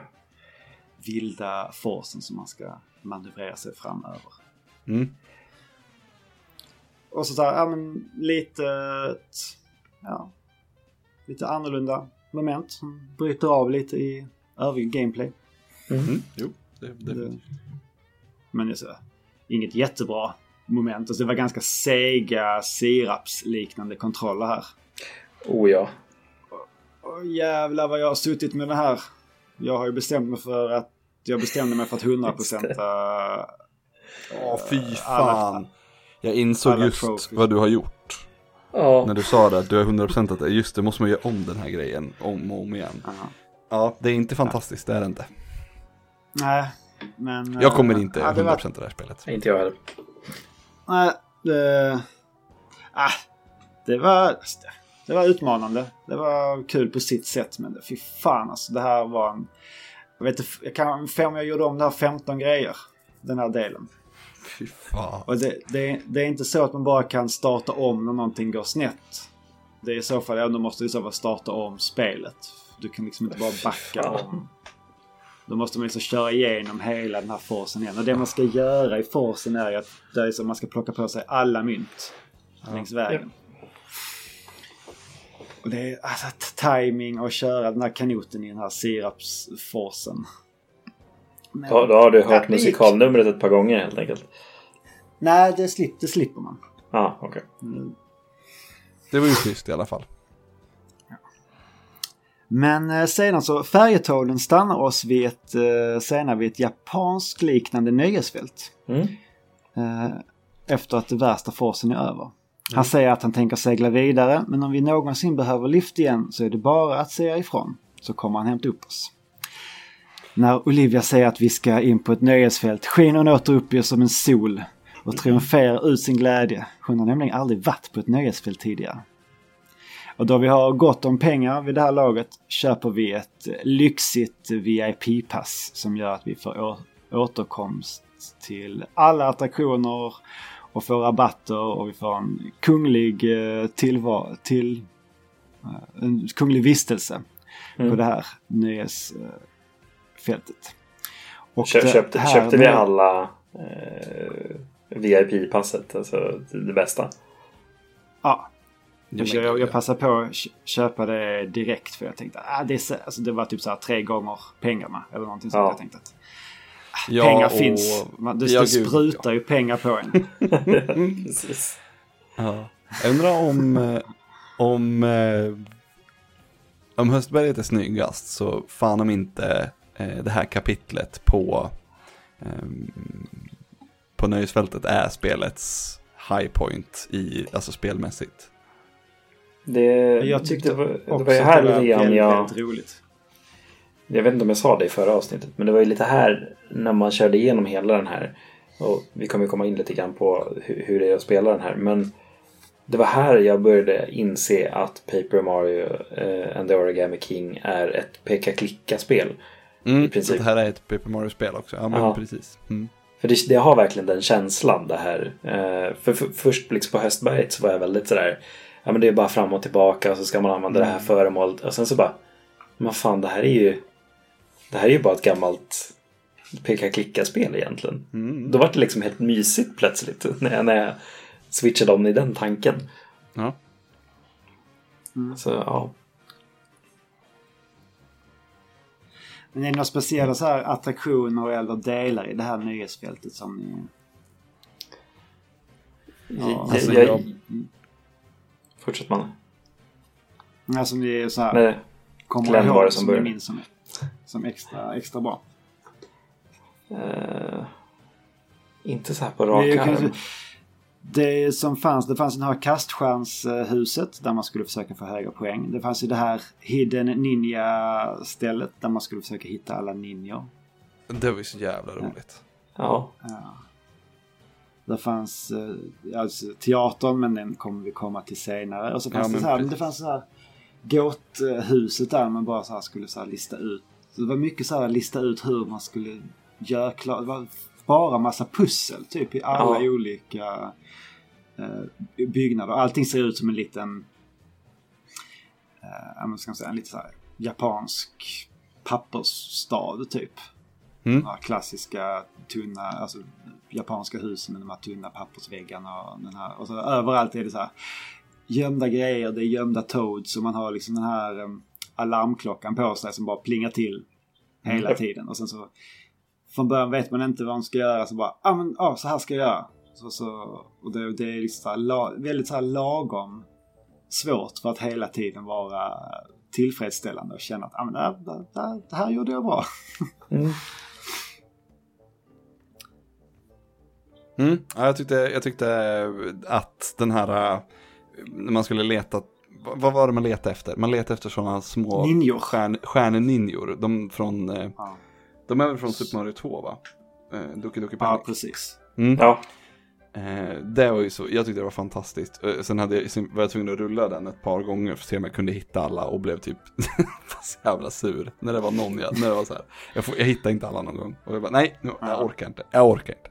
Men, men det tyckte jag var, eh, jag tyckte det var svinbra. Eh, eh, sätt att så här, du får göra en ny grej som inte riktigt hör ihop med någonting annat, eller inte riktigt känns som någonting annat i spelet.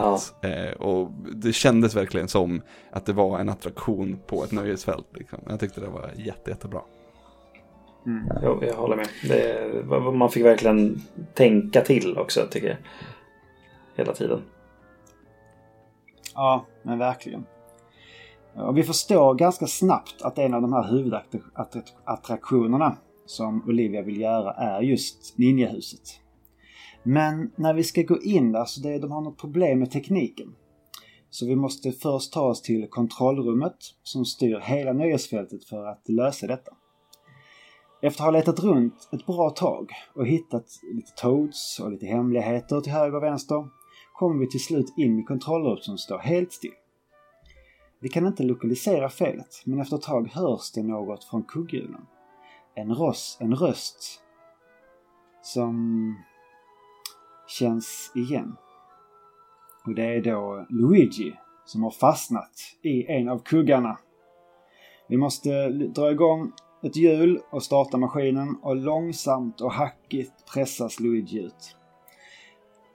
När han väl är ute ser han mer ut som ett hopknycklat papper än en platt plattformsfigur. Mario springer fram med hammaren i högsta hugg och plattar till Luigi och ser till att han återfår sitt forna jag. Luigi är högst förbryllad över sin situation men han kan glädja oss att han, då, han har hittat nyckeln som han letar efter och räcker över den och vi upptäcker att det inte är nyckeln till Peachs slott. Men däremot så är det ju huvudnyckeln till eh, Shogun Studios nöjespark. Ja.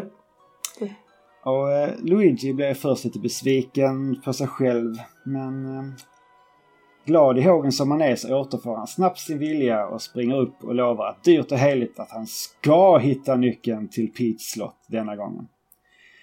Och där skiljer sig våra vägar återåt. Vi fortsätter genom parken och hittar vaktmästarens rum. Där hittar vi lite lustiga masker som eh, är av av lustiga masker av familjär form. Nämligen papier-maché-masker föreställande Goomba, Donkey Kong och Samus Aran. Och det är just de här maskerna, det är, alltså, det är fantastiskt. Ja, det är en snygg detalj var det. Ja, verkligen. Det var lite tråkigt för att man hade sett det innan. Ja. Tyvärr. Ja, du menar i, i trailers och så? Mm, precis. Aha, okej, okay, det var inget jag tänkte på. Sen är det åter det här med att han Luigi, han har lite otur. Han har liksom hittat en nyckel som man tror är rätt nyckel. Men så är det ju fel nyckel, men det är ändå en nyckel som vi behöver i det läget. Ja, det är... Så, inte för att säga för mycket, rätt. men... det, det, det, det är inte första gången. Eller sista.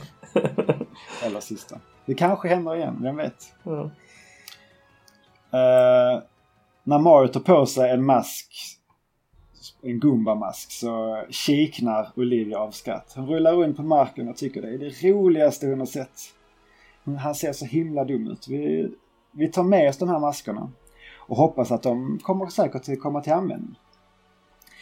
Uh, vi har tidigare försökt ta oss in till den stora teatern men den har varit låst, men med hjälp av en nyfunna nyckel som Luigi hittat tar vi oss in. När porten öppnas ser vi att hela innergården är smockfull av fiender och att vi inte har haft en chans att klara oss med livet i behåll om vi har försökt slå, slå oss mot alla. Om det bara hade funnits ett sätt att lura oss förbi de här vakterna helt inkognito. Just det, Gumba-masken. Mario tar på den och likt eh, en sumo-ninja vaggar han genom folkmassan fram till teaterentrén. Vi är inne på teatern. Vi kommer och ser att hela teatern är fullsatt.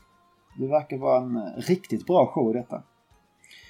Olivia är eld och lågor som vanligt och upptäcker att det finns tre platser sparade eller lediga allra längst fram. Och det är ju då de som har köpt eh, Royalty VIP-passet då som får tillgång till de här platserna. Det är tur då att vi köpte det. Mm. undrar, undrar vad som händer om man inte väljer det passet? Blir man tvingad på det passet?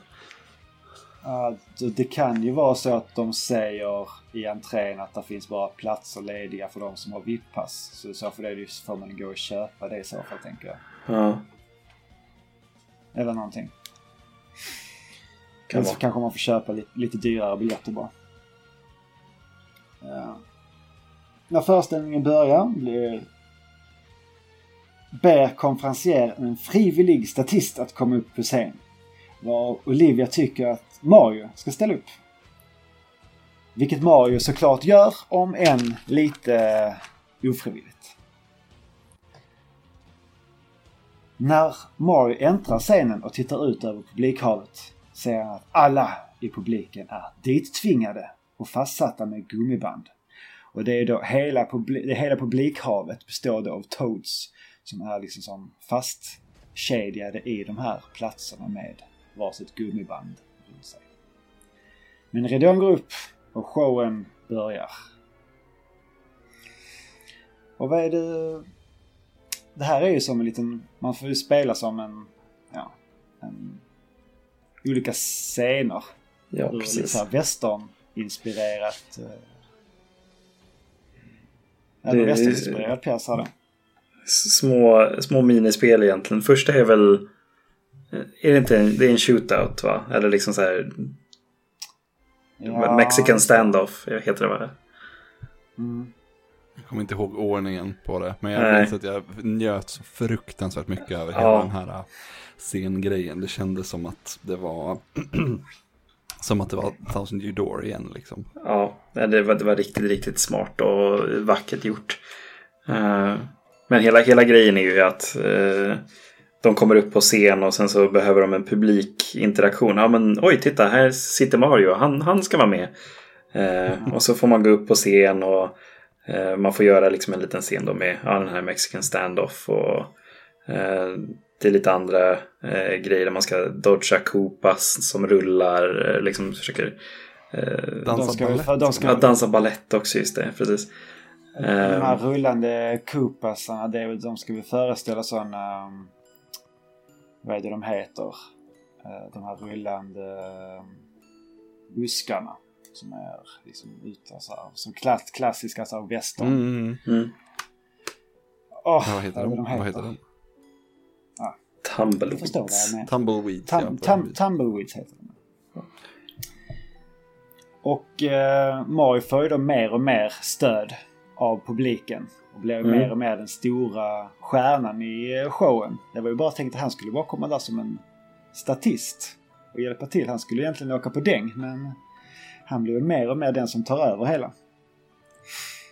Och då avslutas det med att den stora divan själv kommer fram. Regissören bakom allt detta som ska liksom avsluta allt. Och det är då passande nog ett, en stor, vad ska man säga, det är lite så här, ja, människokropps ihopsättning av gummiband. Mm. Kan, kan man kalla det. Så det är som Fullständigt normalt. Ja. Jag förstår, för det har liksom i tidigare... ehm, I den tidigare, vad ska man säga, bossstriden då i första världen då var det lite så här att då kunde man ana lite vad eh, själva bossen skulle handla om i och med att det var liksom målat med så här kritor Ja, i, he, i hela, hela byggnaden. Här är väl ingenting förutom just då att alla Toads är fastsatta med gummiband som Jo, precis. Det, det är väl en ganska genomgående grej genom hela spelet att man får de här små hintarna kring vad det är man ska möta. Mm. Eh, så...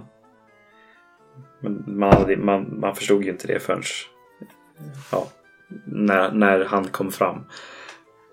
Eh, det var en snygg reveal ändå.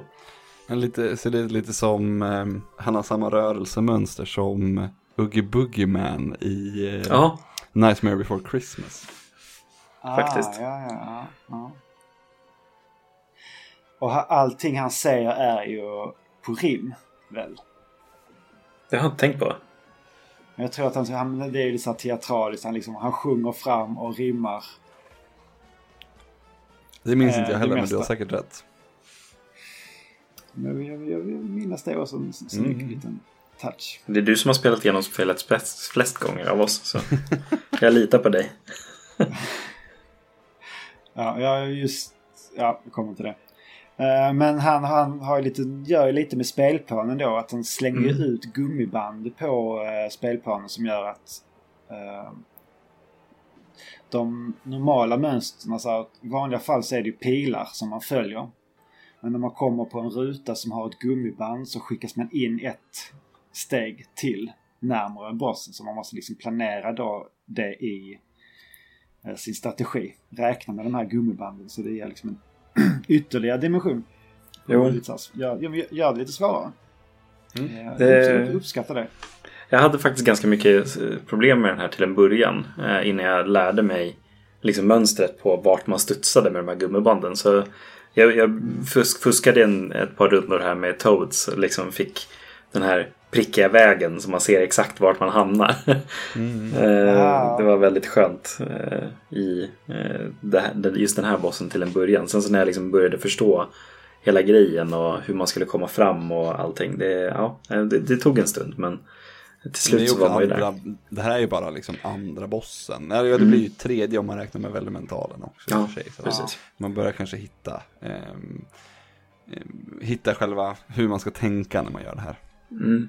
Ja men precis. Sen så jag gillar att det finns ju två faser i den här bossen. För att först Mm. ser det ut som en, eh, en gubbe eller en människa. av de här gummibanden. Men ju mer man slår på den här uh, gummifiguren så tappar den ju mer och mer gummiband. Och även, den tappar även liv när den skjuter ut sina egna gummiband på spelplanen. Precis. Och när, då, när man har slått bort alla gummibanden som är så här små gummiband så ser man att själva stummen är liksom ett stort så här rejält tjockt jättegummiband. Och då går man in i fas 2 av bossen. Och då, han, då, måste man ju få ner han i någon form av brygga och attackera med de här med eh, eh, tusenarmvikningstekniken. Och då när man har de här gigantiska armarna så kan man slå till gummibandet och sen så kan man liksom spänna upp han som om man ska skjuta iväg ett gummiband. Och sen så bara skjuter man iväg honom. Mm. Ja, jag, tyckte, jag tyckte det var en så jävla nice... Uh, uh, heter det? Finish, finish your move. Att man ja. tar, boss, tar bossen och skjuter iväg honom. jo, absolut. Vad ska man annars göra med ett gummiband liksom? Mm. Ja, men precis. Jag jobbar på posten äh. då. Kan, kan, kan min uh, know my way around the rubber bands.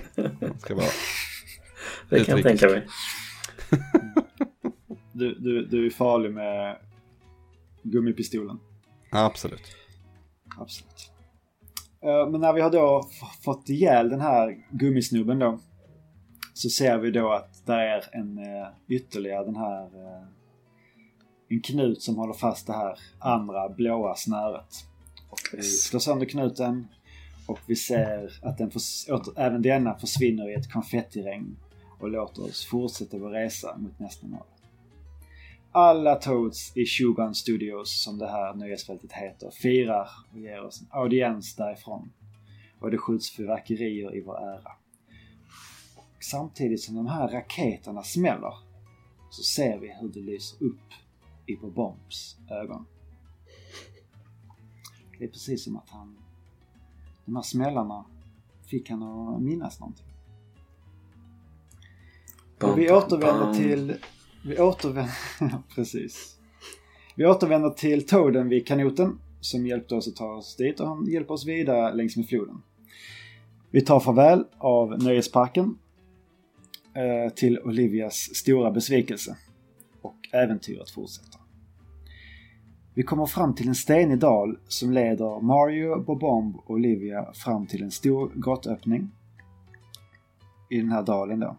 Men innan våra vänner hinner ta sig in hörs ett elakt skratt från grottans öppning. Fram ur skuggorna kommer Olli med ett elakt och frustrerat flin. Olivia skäller ut sin bror. Hur kan du sno Peach slott, vika ihop så många Toads, slå in slottet i presentpapper och helt enkelt vara så elak?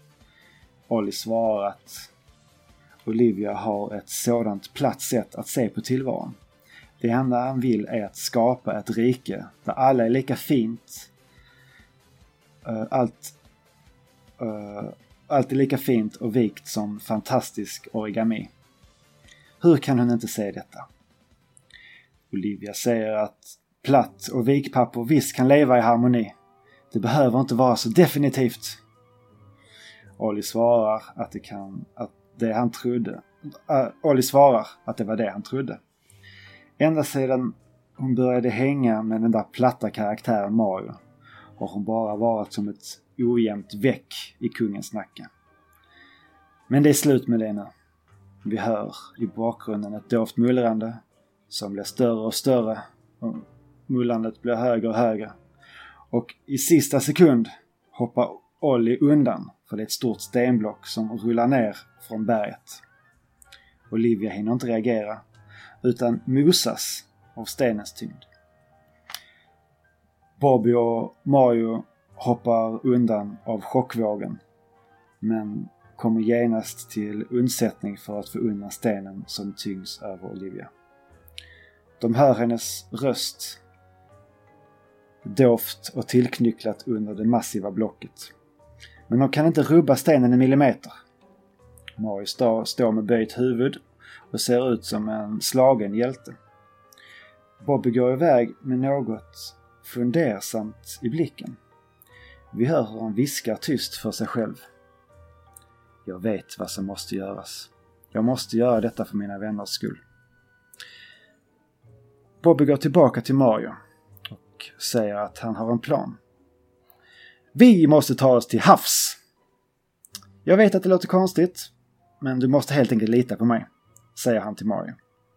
Motvilligt lämnar vi då Olivia under den här stenen och tar oss tillbaka till Shogun Studios där det finns ett litet så här direkt rör eller ett warp-rör som leder oss hela vägen tillbaks till, town, till Toad Town. Och de här uh, warp-rören, det är ju ett väldigt smidigt sätt att resa med. Mm. Det, ju, det, finns, det finns väldigt många sätt faktiskt ändå att ta sig fram i den här världen. Det är, så, det är också så jävla oklart. ja. I slutet någon gång, jag kommer inte ihåg när det var riktigt. Och jag skulle, för, för man, har ju, man har ju åkt fax också. Ja, ja. Just det, just det. Ja. Det, är, det är ju det grymmaste sättet att åka som pappersfigur. Man bara faxar Definitivt, sig definitivt. Men, men det blir också så här. Eh, när man ska hitta, man är på ett ställe och så ska man hitta tillbaks.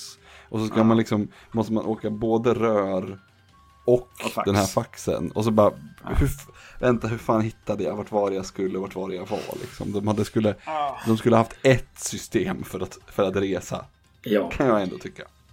Just att faxen inte finns direkt i Toad Town utan då måste man först ta sig till fax som finns en bit så här, ja, en liten bit utanför Toad Town men det finns ett rör i Toad Town som går till den här huvudfaxen. Mm, precis. Ja.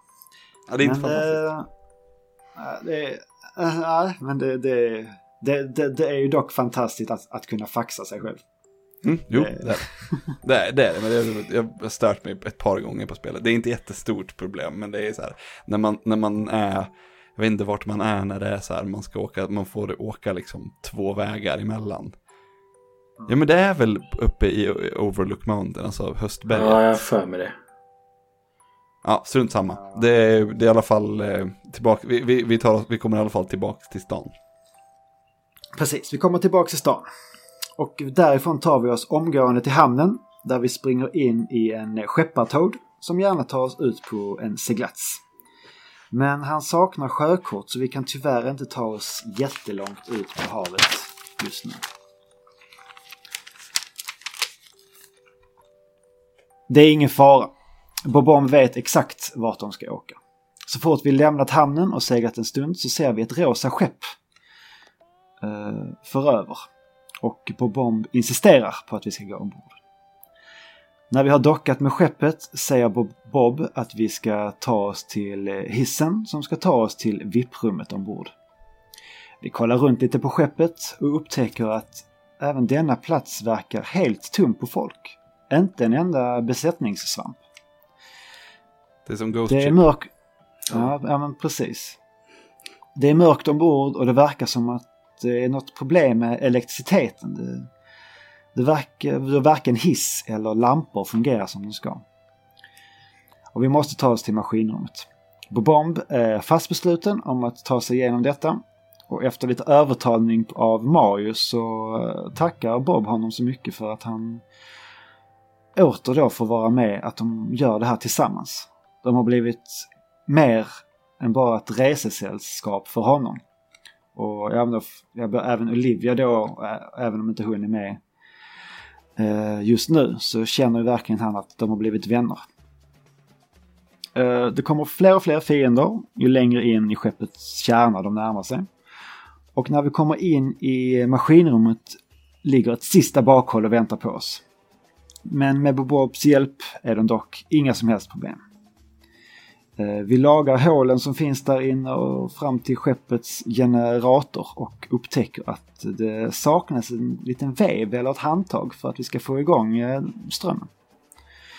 Vi skyndar oss vidare till kaptenens kommandodäck, hittar det här handtaget och tar oss tillbaka till maskinrummet. Och där och slår på strömmen igen. Vi skyndar oss vidare tillbaka. Hissen funkar den här gången som den ska. Vi åker till VIP-avdelningen och upptäcker nästan att allt där är täckt av någon svart sörja. Det ser ut som eh, vad ska jag säga, bläck eller eh, någonting sånt där. Det är även sånt vi har sett i övriga delar av skeppet. Och stämningen på det här skeppet också. Alltså det är ju verkligen, precis som du säger Glenn i början, Ghost Ship. Men alltså så här. Jag har aldrig haft en obehagskänsla i ett Mario-spel förut. Men här var det fan lite scary liksom. Jag minns när jag spelade eh, Thousand Year Door och det var det här eh, WWE-avsnittet. Ja. Eh, I det avsnittet så, så springer man mycket runt i, eh, vad heter det?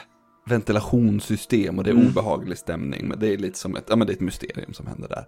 Och det är första gången jag blir så här, liksom rädd i ett Mario-spel. Fan mm. vad obehagligt det är. Och, och det här är andra gången med, på den här båten. Det är otroligt hur de lyckas bygga den här stämningen på båten. Ja. Det är alltså just, sinnessjukt hur, hur fett ja, men Jag tycker även, även musiken är också ganska så här tryckande. Och det är lite ja. mörkt och man ser liksom hur det gnistrar till lite just av mm. alltså, typ dåliga kablar lite här och var. Just det här bläcket som ligger överallt. Och att, ja men det är helt tomt. Här finns ja.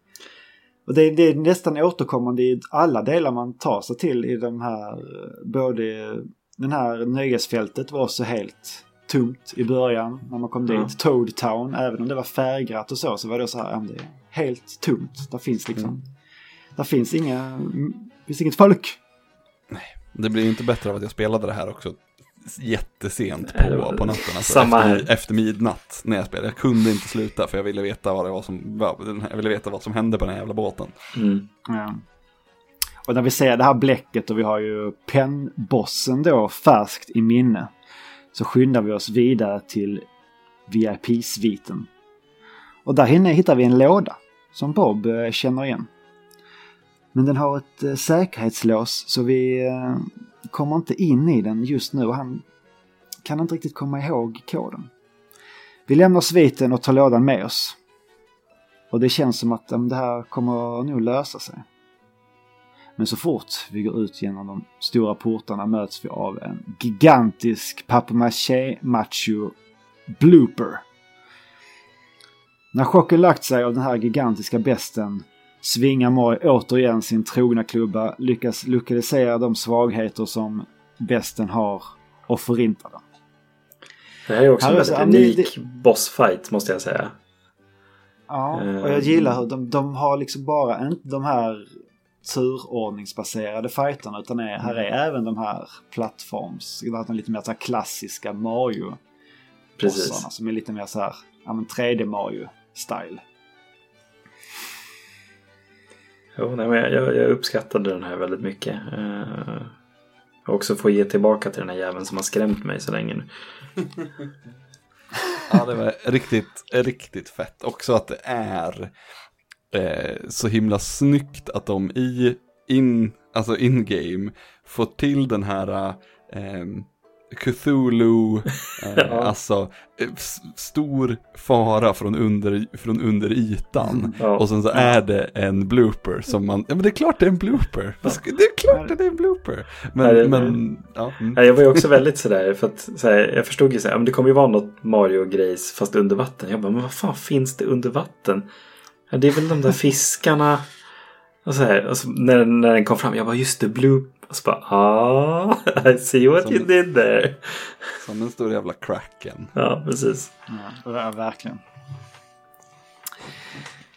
När vi då har... Eh, för det, det som händer är att den här jättebloopern tar i den här lådan. Men den, när den här går upp i konfetti så kommer även lådan ut och det är som att chocken fick Bobomb att komma ihåg kombinationen till låset och plockar ut ett litet, litet skrin.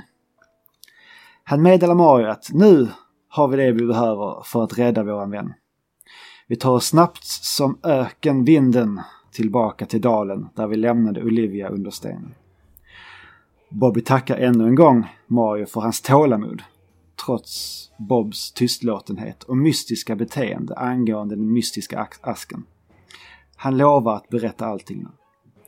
Och nu kommer då Bobs bakgrundshistoria här.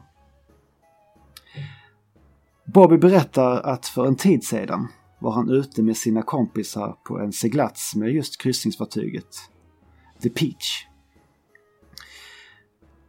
De hade lagt samman sina sista pengar för att ha råd med lyxsviten. Och även om några av dem fick sova på golvet var det värt det. Det öppna havet, den salta brisen, vilken resa. Men helt plötsligt blev skeppet överrumplat av den gigantiska bloopern. De försökte förgäves stoppa monstret, men det var lönlöst. Det var då det hände. Stubinen som Bobomb hade på sin rygg lossnade och Bobomb åkte ner i havet. Utan varken stubin eller minne spolades han i land i Towtown och efter det irrade han planlöst runt och försökte hitta sig själv. Och det var då Mario och Olivia kom in i bilden. Och när han hörde fyrverkeri, fyrverkerierna smälla i Shogun Studios kom plötsligt allt tillbaka till honom. Alla de gamla minnena. Även ett som skulle hjälpa, hjälpa deras vänner och rädda Olivia. Du förstår Mario, jag förlorade min allra bästa bombis i en olycka. Och sedan den dagen bar jag alltid med mig hans stubin. Som ett minne. Ända till den dagen han, jag tappade minnet då. Men eh, jag kommer ihåg att eh, jag hade lagt den i det här skrinet till sist då, i VIP-rummet. Mario tittar upp och ser då att Bobomb nu har satt stubinen på sin egen rygg. Mario. Om jag kan rädda en vän som Olivia betyder det att jag har blivit en Bobomb blivit den Bobomb som jag alltid velat bli. En som lämnar ett avtryck. Det är det som varje Bobomb drömmer om. Att förändra något till det bättre. Att bli någon som lämnar ett avtryck. Mario, jag har fått uppleva några av mina finaste minnen med dig Olivia. Det har varit kanonkul. Ursäkta mitt dåliga skämt. Jag är lite nervös. det är bra, du behöver någonting för att lätta upp stämningen här lite. Ja, det... det är så sinnessjukt när man får se den lilla tampen och inser att, att, att man har varit med en bobomb som i liksom flera timmar och inte insett att det saknas ju en stubin. En stubin. Ja. Ins jag insåg det här. Ja, jag att han, han, har, han har inte haft någon stubin på liksom de här liksom flera timmar som jag spelat det. Och mm. bara, fan vad sjukt, eller bara liksom, och bara bygger upp den här extremt märkliga stämningen och bara gör en sån reveal här och bara, ja men här, det, nu har du, här, ingenting är riktigt som du tänker att det är. Ja. Och, det blir det inte. Bobomb, Bobomb eh, fortsätter och säger då Tack för stubinen, min vän. Och tack Mario för allt. Bobomb tänder stubinen och innan Mario hinner stoppa honom försvinner deras vän och stenbumlingen upp i ett rök av konfetti. Så där var ju mm. alltså Bobombs avsked. I den här sagan då. Och det är ju verkligen, det tror jag det är nog den biten som sätter, alltså typ i hela den här storyn som sätter liksom verkligen, han gör verkligen ett avtryck. Ja, men det är ja. så too real. Man bara, det är så här, vad sitter, sitter jag här klockan liksom halv två på natten och grinar i fåtöljen. Vad fan, du ska inte... I ett Mario-spel. Vad fan håller, ni, fan håller ni på med? Ja. Sitter verkligen och bara, vad, vad, vad, fan håller ni på med? Och liksom älskar det ju för att det här är ju, det är liksom, bara lägger upp, peggar upp bollen på ett sätt som jag inte i den här scenen förstår ju jag vad de har gjort i, under de här timmarna. Yep. Och inte haft en enda jävla aning om vad det är som är på väg att hända liksom. Yep. Sinnessjukt hur jävla bra skrivet det här är. Ja. Mm. Det, det, det, var ju också precis som du säger, liksom, att man, man, har inte, man har inte fattat att han går runt utan en stubin. Mm. Att, liksom, att det blir hela grejen här är ju Alltså det är ju så jävla snyggt gjort. Alltså det är helt fantastiskt. Och det är... Ja, det är briljant.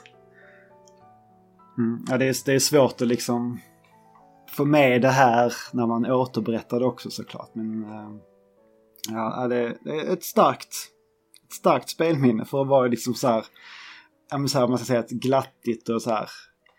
Ja, men där, där ett spel som bara är så här, åh alla är så glada, åh det här går så bra hela tiden, detta, detta, detta. och sen så bara helt plötsligt bara, oj, där. Sån fruktansvärt curveball. Ja. Ja, verkligen.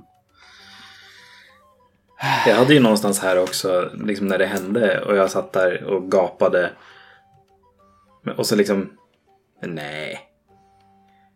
Jag kommer gå in här och sen så han kommer ju komma tillbaka. Som han alltid gör. Ja. Ja.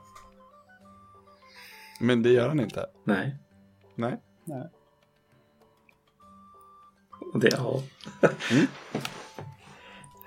Men eh, Bobby. Mm. När röken har skingrat sig och konfettin lagt sig så ser Mario och Olivia ligga tillplattad där stenen en gång låg. Han hör ett dovt mumlande, tar fram sin hammare och fjongar till henne. Olivia tackar Mario och är glad för att ha blivit fri från sin fångenskap. Eh, och frågar Mario hur han gjorde. Har han en dynamit i släggan eller något i den stilen? Mario, han står bara tyst med nedböjt huvud och sin trogna keps hängandes över ögonen. Precis som han försöker dölja sin sorg. För, precis som att han försöker dölja sin sorg för Olivia. Olivia tittar sig omkring och upptäcker till sin fasa att Bobby är inte med dem längre.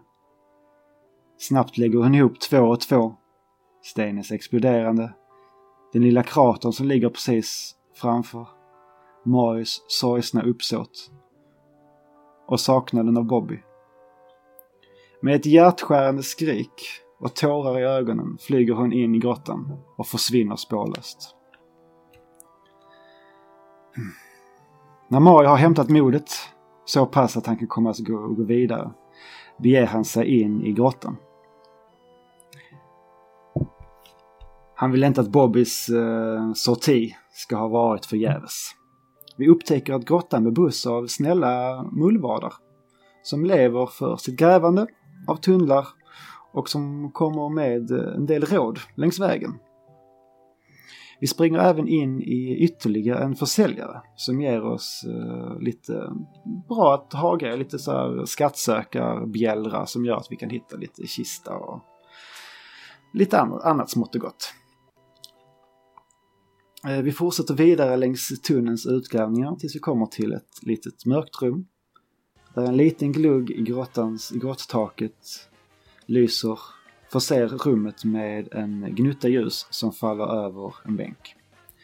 På denna bänken sitter en förtvivlad och gråtande liten pappersprinsessa och vet inte vart hon ska ta vägen. Mario sätter sig bredvid för att visa sina sympatier för den gråtande Olivia. Bobby offrade sitt liv för mig. Och nu är han borta. Hur kunde han göra så? Jag vet inte hur jag ska kunna fortsätta nu. Mario sätter sig och tittar ängsligt på sin sorgsna vän. Han vet inte vad han ska ta sig till. Mario vankar av varann i rummet. Olivia sitter som förstenad med ett hängande huvud och en sorgsen blick. Får hon bara fram. Jag klarar det inte. Jag är för ledsen för att ens röra mig. Mario slår med hammaren runt sig i frustration. Men hittar ingenting där inne som kan hjälpa. Olivia förblir sittandes. Mario går tillbaka bland tunnlarna och irrar omkring. Och när vi närmar oss utgången kommer en strid ström mullvadar. En av dem stannar oss och berättar att en stor explosion har precis sprängt en stor stenbumling utanför grottan. Därför passar alla på att gå och se om de hittar några, något diamantlikt till Bowser eller liknande som, som är deras arbetsgivare. Han kan dock inte förstå, eller mullvaden kan inte förstå vad det är som orsakat en sådan kraftig explosion.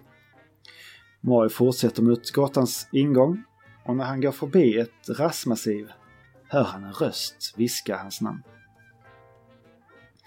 Mario vänder sig om för att undersöka saken närmare och då ser han som ett blått sken som lyser upp mellan stenarna och i ljuset lyser plötsligt Bobombs ansikte fram.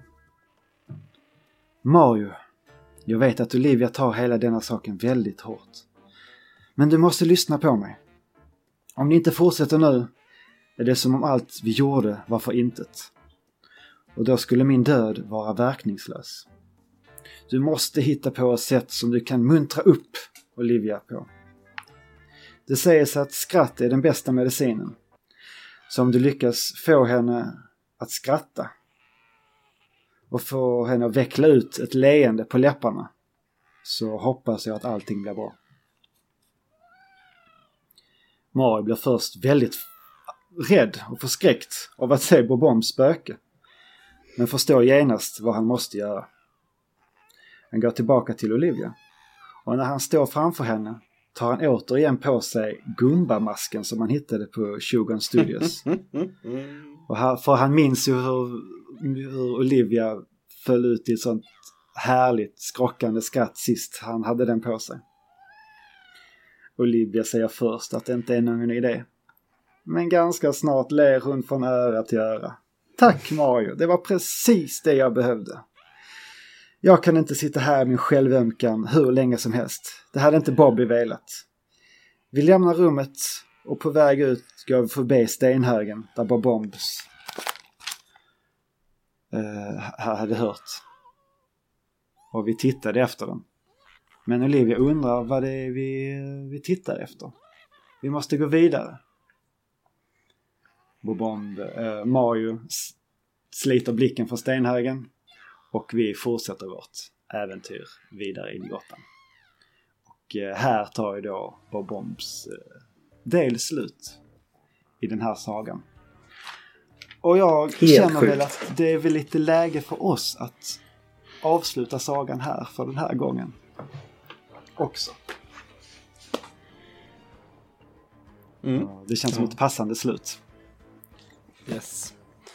Ja, jag tycker det är helt sinnessjukt hur, hur det här liksom utspelar sig. Jag blev, blev så, så himla glad att det här spelet verkligen är verkligen är någonting annat än, Ja, än allting annat som, som Nintendo liksom brukar. Det, är- det är inte ens, det är så mycket bättre än vad Paper Mario brukar vara också. ja. Det, är, det är verkligen här spelet, det här, det här spelet liksom gör sitt yttersta.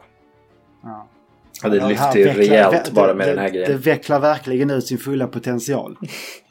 Ja, i just, i just det här berättande och liksom här, att fånga oss som spelare om man har liksom varit insatt. Och det, det är på ändå så, så pass kort tid som Bobomb är med. Så Mm. just det var den här lite haltande, tafatte, glömske, förvirrade karaktären. Men helt plötsligt när minnet kommer tillbaks till honom så visst han har fortfarande den här eh, glädjen kvar i kroppen men nu har han liksom hittat sitt kall mm. och vet vad, vad han måste göra. Ja, det, Så- det är ja, helt sjukt som sagt. Alltså Ja. det är, än en gång, så jävla snyggt skrivet det här spelet. Det är helt galet. Och det passar sig väldigt bra att uh, storyn att prata om tycker jag. Så här på det här sättet. Det är Mm. liksom en, en tydlig story som tar sig framåt. Och det händer grejer hela tiden och det är liksom så intressanta ordväxlingar mellan dem och det är liksom lite små lustigt och det är lite filosofiskt och det är ja, jättemysigt. Det är verkligen ett så här, man kan liksom inte skippa storyn i det här. Nej. Det, det bör man inte göra i alla fall. Precis. Ja, Men eh, då är det som så att vi tackar för eh, det här.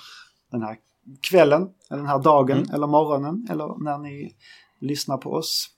Och vi finns ju som sagt, vi finns på Facebook och vi finns på Instagram. Och vi heter Vänta, jag ska bara dö först. Nu har det varit lite, lite dött där. Jag känner att det är pappalivet gör att uh, saker, andra saker kommer åt sidan. Men så får det vara. Och ni får jättegärna skriva vad ni tycker om avsnittet till oss antingen i, på inlägg på Facebook eller skicka direkt som ett PM till oss. Då blir vi glada. Yes. Det blir ni. Det blir vi. Och eh, som sagt, eh, vi, får, vi får se lite hur vi ska göra med det här eh, upplägget. För vi, vi känner att vi vill ju prata om andra spel också. Uh, men vi, vi kommer på någonting. Det kan bli det att vi bra. kör en lite, lite kortare segment i slutet på varje avsnitt. Och sen så blir det som ja, ja. liten vi, vi ska gå i mål med den här i alla fall. Så. Det gör vi. Med, med, med eller utan Glenn. Men han är jätte, det är jättekul att ha honom med. I alla fall ja. på den här biten. Sen får vi se om men... vi har eventuellt snackat om att vi kör lite vanligt och sen har vi med oss Glenn på sluttampen. Här i de här vill... Paper Mario-delen. Yes. Vi löser det på något bra sätt. Mm. Det mm. gör vi. Men eh, tack för att jag fick vara med och prata om det här eh, fantastiska spelet som jag ändå, ja men fan, ja jag älskar det. Det har, det, jag älskar det inte förbehållslöst. Eh, men de delarna som är bra är bland det bästa jag spelat. I, ja, så, ja. Mm. Måste jag ändå yes. säga. Ja. Mm. Och Glenn, vart, vart kan man hitta dig om man inte lyssnade på förra avsnittet? Svampriket.se ja. eh, Just nu håller vi på med, de grejerna som vi håller på med just nu det är ju GTA eh, stream när vi mm. spelar alla heists. Och hur gick, hur gick det här? Ni körde nästan sista va? Ja, vi körde, det gick jättebra. Ja. Hela, vi körde, vi körde eh, fyra av fem sådana eh, intro, eller man ska säga uppdrag. Ja. Eh, och, och det gick orimligt bra. Och sen såklart så, när, när så gick det ju inte bra hela vägen. Men ehm, jag hade en liten svacka där i mitten. Men vi lyckades, vi sa det när klockan var så här fem i tio. Nej, sista försöket, bonk. Och, och så klarade vi det uppdraget då. Så vi har eh, ett setup-uppdrag och sen sista final-heisten kvar att göra. Och det verkar som att det blir på onsdag. Och det blir väl nu på onsdag om ni lyssnar på det här innan innan onsdag så att säga. Ja. Mm. Det är det jag håller på med just nu mest, eh, förutom ja, men allting annat som är bara vanlig, vanlig rull på, på, på liksom svampriket. Grymt. Mm. Som vanligt kommer det stå länkar till beskrivning så det är bara att gå in och kolla om ni inte har koll på svampriket. Vilket ni bör. Sveriges mysigaste spelsajt. Ja, fy fan. Det är, men det är också det som grej när, när du sa att eh, pappalivet får ta över. Och det måste ju det ju göra, såklart. Ja. Mm. Det, det, är därför vi är 30, det är därför vi är 12 pers. Ja, så, vi, precis. Så att, vi, så att vi ska kunna täcka varandras eh, barnafödande. Majoriteten är småbarnsföräldrar. Nej, inte majoriteten, men, men, men Nej, åtminstone fyra av, eh, eh, fyra av tolv. Mm. Precis, men då så. Tack för denna gången och vi har inte dött än. Vi ska bara leva först.